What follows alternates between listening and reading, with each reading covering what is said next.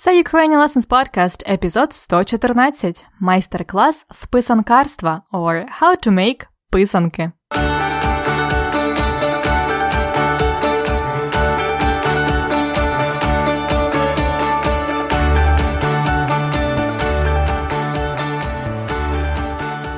Привіт-привіт! Це Анна, ваша вчителька української мови.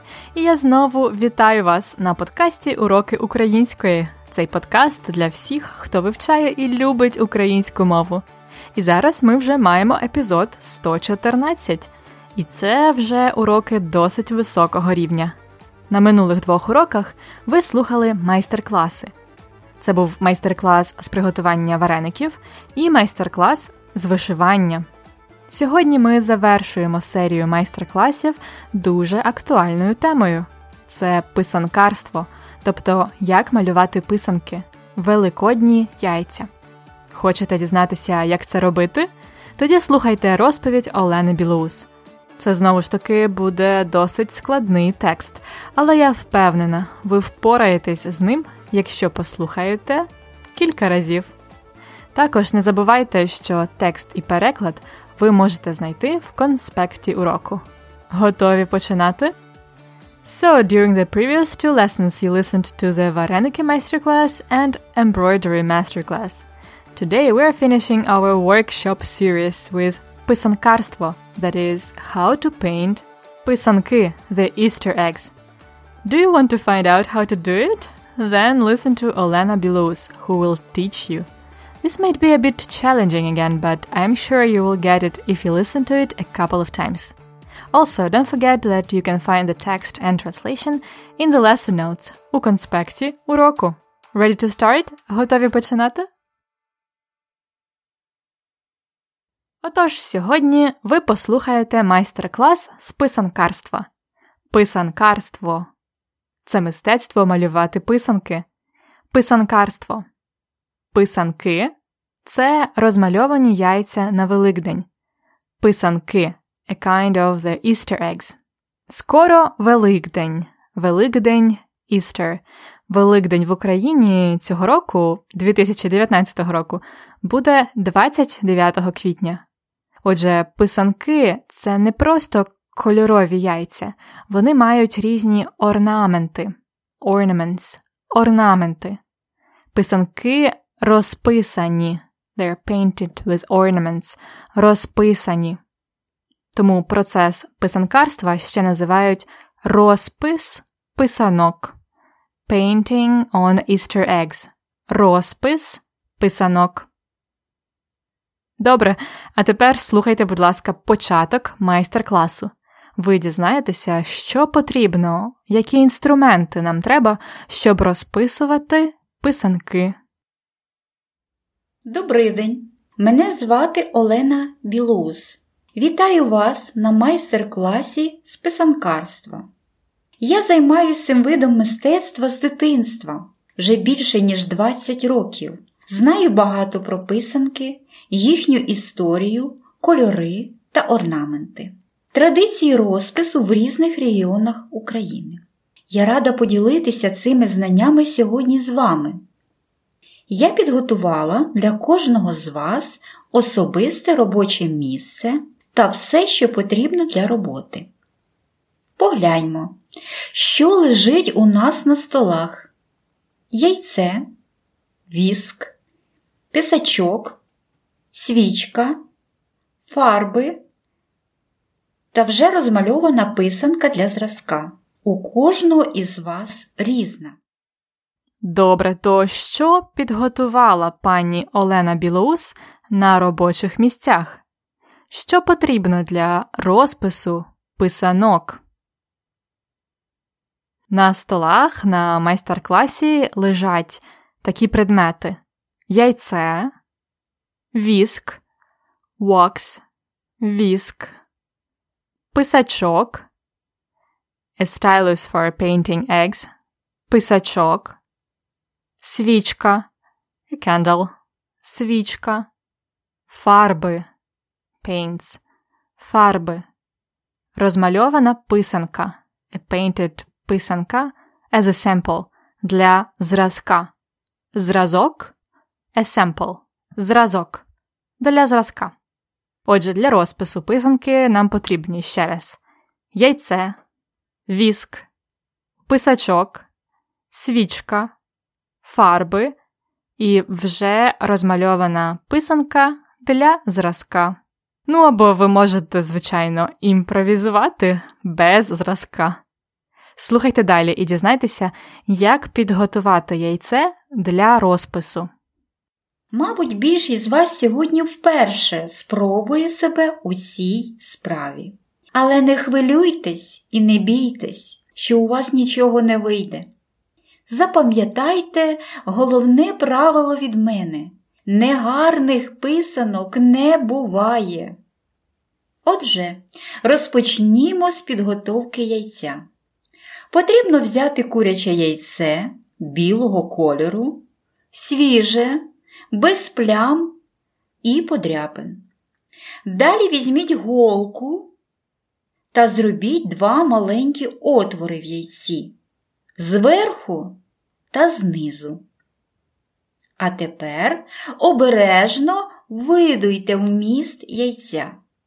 Помийте яйце в чистій воді та добре його висушіть. На початку пані Олена каже Не хвилюйтесь і не бійтесь. Don't worry and don't be afraid. Не хвилюйтесь і не бійтесь, що у вас нічого не вийде, that you will not succeed, нічого не вийде.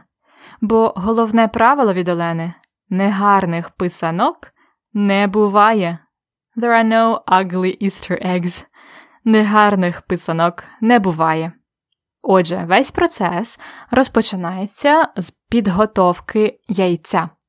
Потрібно взяти куряче яйце, тобто яйце від курки, і це яйце має бути біле, чисте і свіже.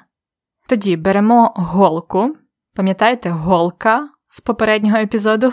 A needle, голка, і робимо голкою два маленькі отвори або дірки. Отвори, дірки, holes, зверху і знизу яйця. Тоді видуваємо вміст яйця. You have to get the contents of the egg out by blowing it. Видувати, дути, to blow. Видуваємо. Потім треба помити яйце і висушити його. Висушити to dry. Висушити. Тепер яйце готове. Слухайте, що треба робити далі. Тепер перейдімо до творчого етапу. За допомогою простого олівця легенькими рухами нанесіть на яйце малюнок. Сьогодні ви маєте перед собою зразки та малюєте за ними, бо ви тільки вчитесь. А коли навчитеся, зможете більше фантазувати і створювати власні оригінальні малюнки чи орнаменти. Далі пані Олена каже Перейдімо до творчого етапу. Let's move on to the creative process. Перейдімо до творчого етапу. Перейдімо. Яка це форма дієслова? Let's move on. Це наказовий спосіб, але наказовий спосіб для особи ми. Перейдімо. Почнімо. Читаймо. These are some examples of the imperative mode for we for the first person plural. When we talk like, let's go, let's do, let's uh, dance. In the previous episodes, we have already talked about the imperative, and we have only this form to cover left. Мы form. So, to say let's do something, you have to take the ты form of imperative that we learned before and change the ending of it. If the verb in ты form ends with y, the ми form will end with імо. So, let's say робити, ти роби, do, ми робімо, let's do. Перейти, перейди, перейдімо, let's move on. Почати, почни, почнімо, let's start. And if the verb is ending with a consonant in the ти form, you just have to add мо. For example, читати ти читай. Ми читаймо. Let's read. Бути будь. Будьмо. Let's be. Which is a common drinking exclamation. Будьмо. So, it's pretty easy because all those forms end with мо. You can get more practice of forming and using the ми form in the lesson notes of the today's episode. Отже, пані Олена каже: перейдімо до творчого процесу.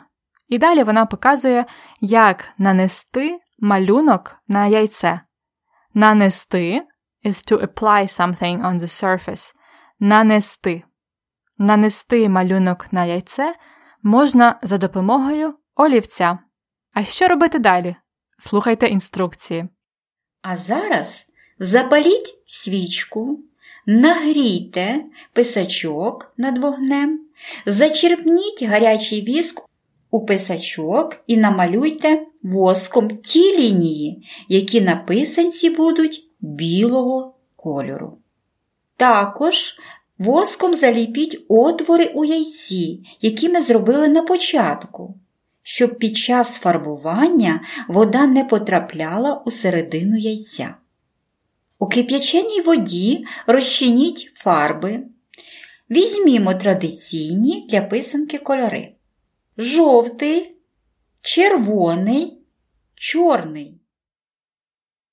Далі починається досить складний процес. Пані Олена каже: запаліть свічку, light the candle, запалити to light.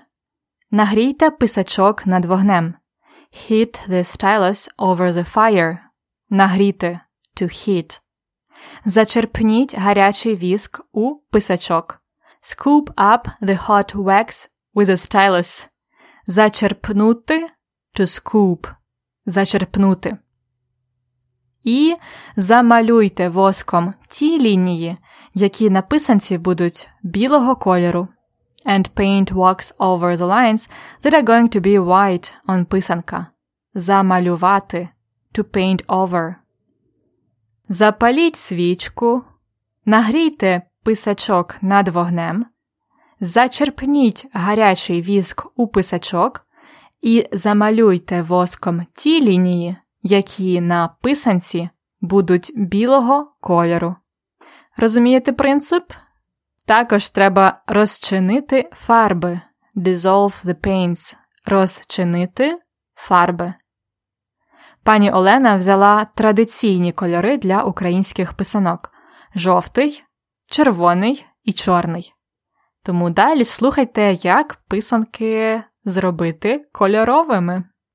Для фарбування яєць вода має бути не гарячою, а теплою. Спочатку опустіть яйце на одну хвилину у розчин жовтою фарбою. Дістаньте яйце з води, легенько витріть серветкою. Тепер замалюйте воском ті лінії та фігури, які на писанці будуть жовтого кольору. Пофарбуйте яйце у червоний колір. Замалюйте воском ті лінії та фігури, які на писанці будуть червоного кольору. І останнє фарбування у чорний колір. Отже, цей процес повторюється. Спочатку опустіть яйце, lower the egg, у жовту фарбу на одну хвилину. Тоді витріть його, wipe it, і замалюйте лінії воском, які будуть жовтого кольору. Paint over the lines that will be yellow. І потім повторюємо. Опустіть яйце у червону фарбу, put it in the red paint, витріть його, wipe it, і замалюйте лінії воском, які будуть червоного кольору.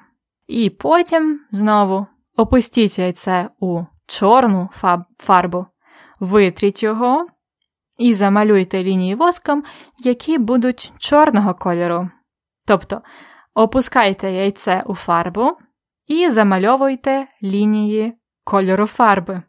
Трошки може бути складно зрозуміти, так? Мені також насправді. Треба спробувати. А зараз послухайте, як закінчити цей процес. А тепер найцікавіший етап: знімаємо віск. Спочатку обережно зніміть віск з отворів, які ми заліпили перед фарбуванням. Так яйце не трісне від нагрівання.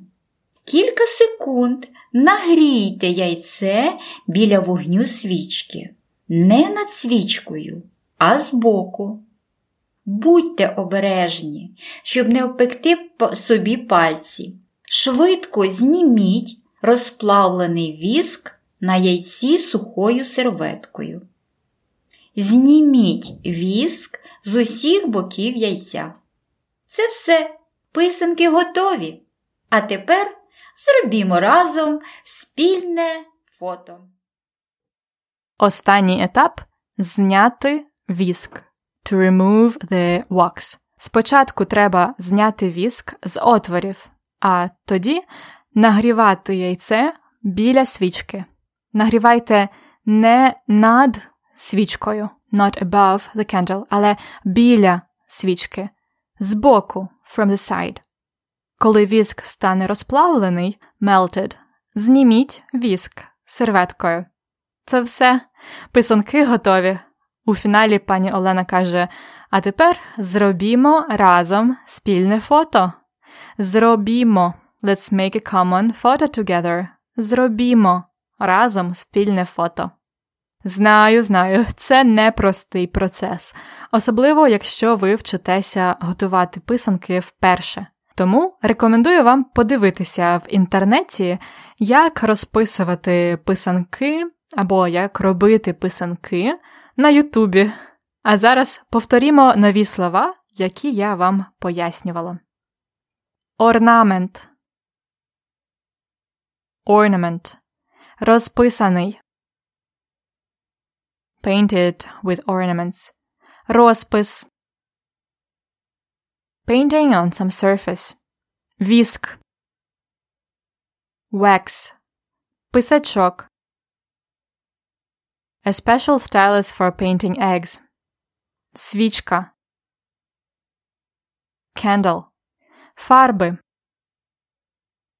Paints. Зразок. Sample. Отвір або дірка. A hole. Видувати. Видути. To blow. Висушити. Висушувати. To dry. Нанести. Наносити. To apply something on the surface. Розчинити. Розчиняти. To dissolve. Опустити. Опускати. To lower. Витирати. Витерти. To wipe. Зняти віск. Знімати віск. To remove the wax. Знімати can also mean to rent or to take a picture. А зараз будемо слухати повний текст майстер-класу. Це чотири з половиною хвилини, тому влаштовуйтеся зручніше і готові слухати? Добрий день! Мене звати Олена Білоус. Вітаю вас на майстер-класі з писанкарства. Я займаюся цим видом мистецтва з дитинства вже більше ніж 20 років. Знаю багато про писанки, їхню історію, кольори та орнаменти, традиції розпису в різних регіонах України. Я рада поділитися цими знаннями сьогодні з вами. Я підготувала для кожного з вас особисте робоче місце та все, що потрібно для роботи. Погляньмо, що лежить у нас на столах: яйце, віск, писачок, свічка, фарби та вже розмальована писанка для зразка. у кожного із вас різна. Мабуть, більшість з вас сьогодні вперше спробує себе у цій справі.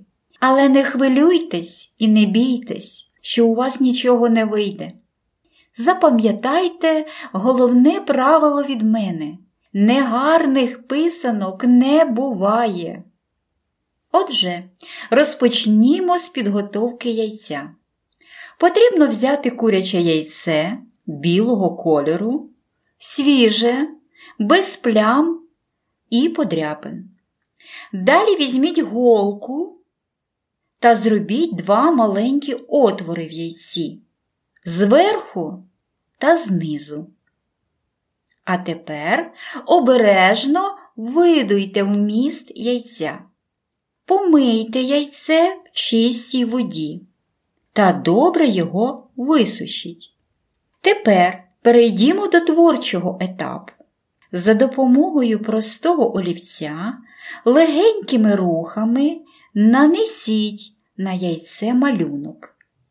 Сьогодні ви маєте перед собою зразки та малюєте за ними, бо ви тільки вчитесь.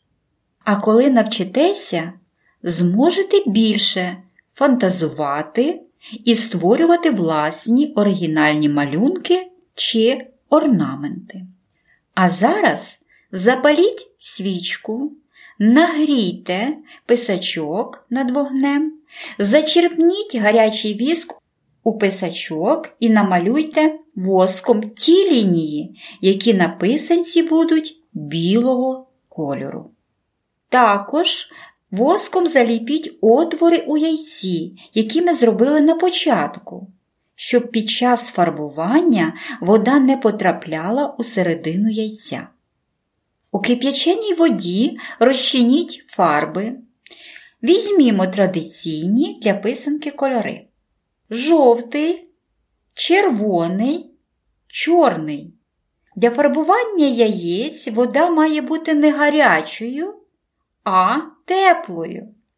Спочатку опустіть яйце на одну хвилину у розчин жовтою фарбою.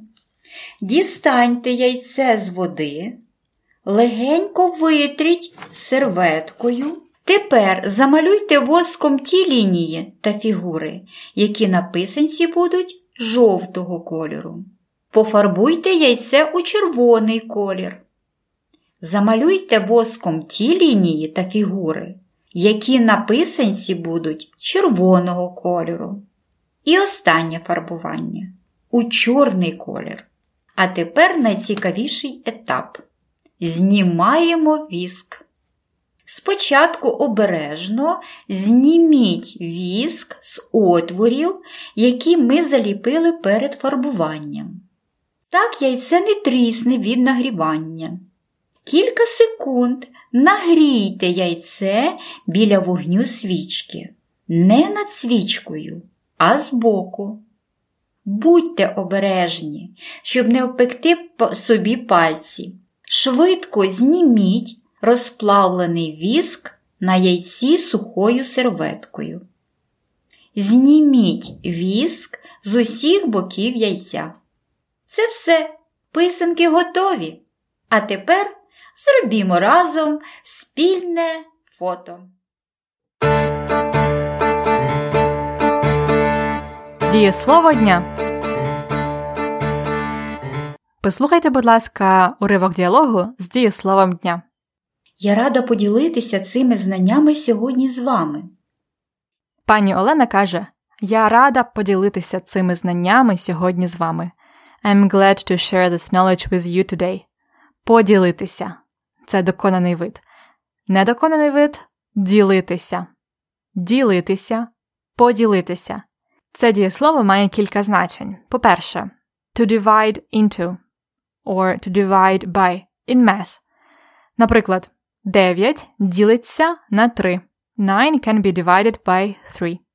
По-друге, ділитися означає to share, to share things, like in поділись цукерками з сестрою. Share the sweets with your sister. And at last it means to confide, to entrust, Like in Я хочу поділитися з тобою секретом. I want to share a secret with you. Поділитися секретом. We use поділитися with instrumental case. Ділитися, поділитися. У теперішньому часі я що роблю? Я ділюся. Ти ділишся. Вона ділиться. Яка це дієвідміна? Це друга дієвідміна. Ти ділишся. Вона ділиться. Ми ділимося. Ви ділитеся. І вони діляться. Друга дієвідміна. Діляться. У минулому часі Христина що робила? Ділилася або поділилася просто. І у майбутньому часі недоконаного виду Христина буде ділитися. Ми будемо ділитися. Я буду ділитися і так далі. А доконаний вид майбутній час я поділюся. Просто додайте по до теперішнього часу. Ти поділишся. Він поділиться. Ми поділимося. Ви поділитеся. І вони поділяться.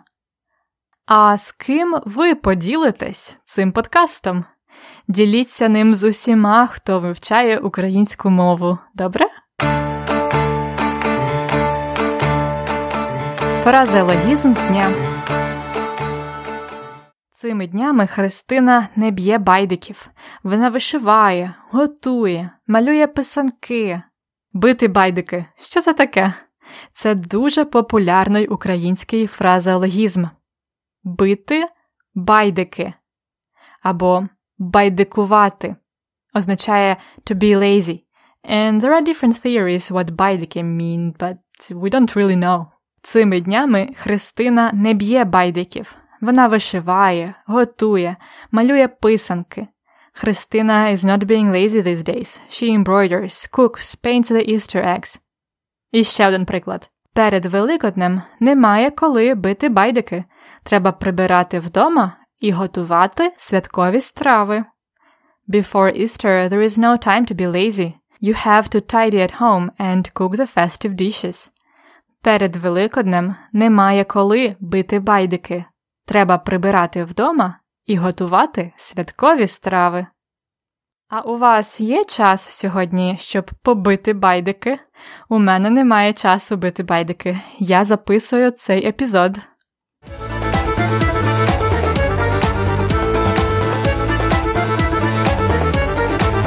Культурний факт на подкасті. Now I will of course tell you a little bit more about the Easter eggs in Ukraine. Today you listen to the instructions of how to paint pisanki, which is only one kind of Easter eggs in Ukraine. As you've heard, pisanki are made by using layers of wax that create beautiful ornaments. However, in Ukrainian Easter tradition, there are several other types of decorated eggs, the most popular of which is probably krashanka. Krashanki are from krasity, a dialect word for paint. They are boiled eggs dyed in a single color. Traditionally, we use the vegetable dyes, like the onion skin, for the pretty red eggs. But there are also commercial paints now too. Krashanki are blessed in the church and eaten during the Easter period. Then there are some other, less popular nowadays types of Easter eggs, like krapanki, from krapka, a dot. These are raw eggs decorated using the wax resist method, but with only dots as ornamentation, with no symbols or other drawings. Also, dryapanki, from dryapate, to scratch. They are created by scratching the surface of a dyed egg to reveal the white shell below. Malovanke are from maluvati, again to paint, and they are created by painting a design on the egg with just a brush and color paints. No wax here. І наклеянки from клеїти, to glue. They are created by gluing objects to the surface of an egg. Just like вареники or вишиванки, писанки and other Easter eggs have different patterns in different parts of Ukraine.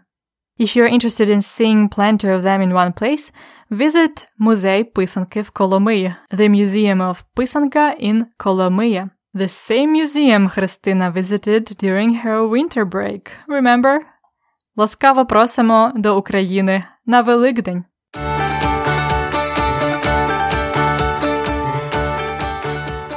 І це все на сьогодні. Ми завершили серію майстер-класів на подкасті. Сподіваюсь, вони вам сподобались. Який майстер-клас вам сподобався найбільше? З приготування вареників, вишивання чи писанкарства? Напишіть мені. Наступного разу ми будемо повторювати наказовий спосіб з голосовим повідомленням Христини. А перед тим не забудьте зробити вправи та прочитати повний текст майстер-класу у конспекті уроку. If you haven't already, become a premium member to receive our lesson notes weekly. Find out more at ukrainianlessons.com slash episode 114 ukrainianlessons.com slash episode 114 Всього вам найкращого! До наступного тижня! Па-па!